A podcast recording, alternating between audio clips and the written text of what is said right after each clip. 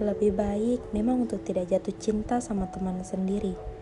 Pernyataan yang mematahkan kalau yang didengar berhasil yang bikin kecewa bangkit dari tidur pulasnya selama ini. Bukan teman biasa. Anggaplah hal yang seperti ini sering terjadi di kehidupan yang mungkin tidak hanya satu dua kali. Aku pernah, tanpa direncanakan, mencintai teman sendiri. Dia yang kupikir juga mempunyai perasaan yang lain karena dia pernah tidak hanya satu dua kali pernah cemburu kalau aku sedang menjalin hubungan dengan yang selain dia. Di hadapannya, aku memang paling ahli dalam menjadi seada-adanya diriku. Ketika bersamanya, aku bisa melepas topeng yang aku gunakan ketika bertemu yang selain dia.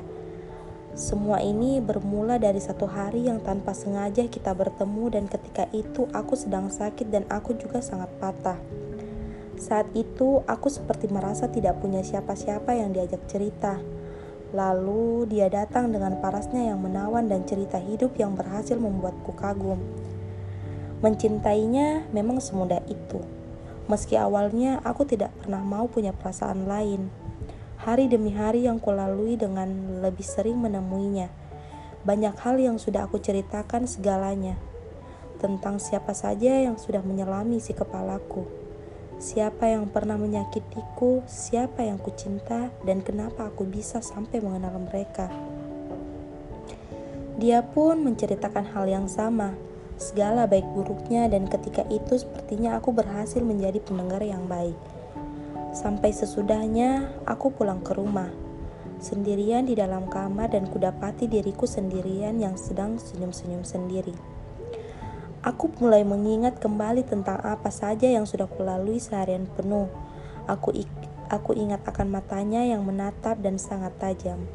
Aku ingat segala nasihatnya dan seketika aku ada perasaan lain yang hadir seperti mulai berharap. Aku tahu ini salah sebab yang ku tahu saat ini dia ingin sendiri. Hari demi hari kulalui lagi dengan sapanya yang hanya sesekali. Aku asik menjalani duniaku sama seperti dia. Sampai aku bertemu dengan yang selain dia dan kemudian aku ceritakan akan hal-hal tersebut meski kudapati ia terlihat marah. Dia tidak pernah setuju kalau aku punya teman dekat yang lain. Ada perasaan bahagia karena aku pikir mungkin dia juga punya perasaan yang sama. Sampai waktu berjalan dan ternyata kita memang tidak bisa terus-menerus begini. Kita yang mengaku cuma teman, kita yang tidak mau lebih dari ini tapi punya rasa cemburu ketika sedang tidak berdua. Saya bersama teman yang lain dan dia bersama pasangannya. Ini sangat aneh. Sampai akhirnya aku ambil keputusan untuk menjauh.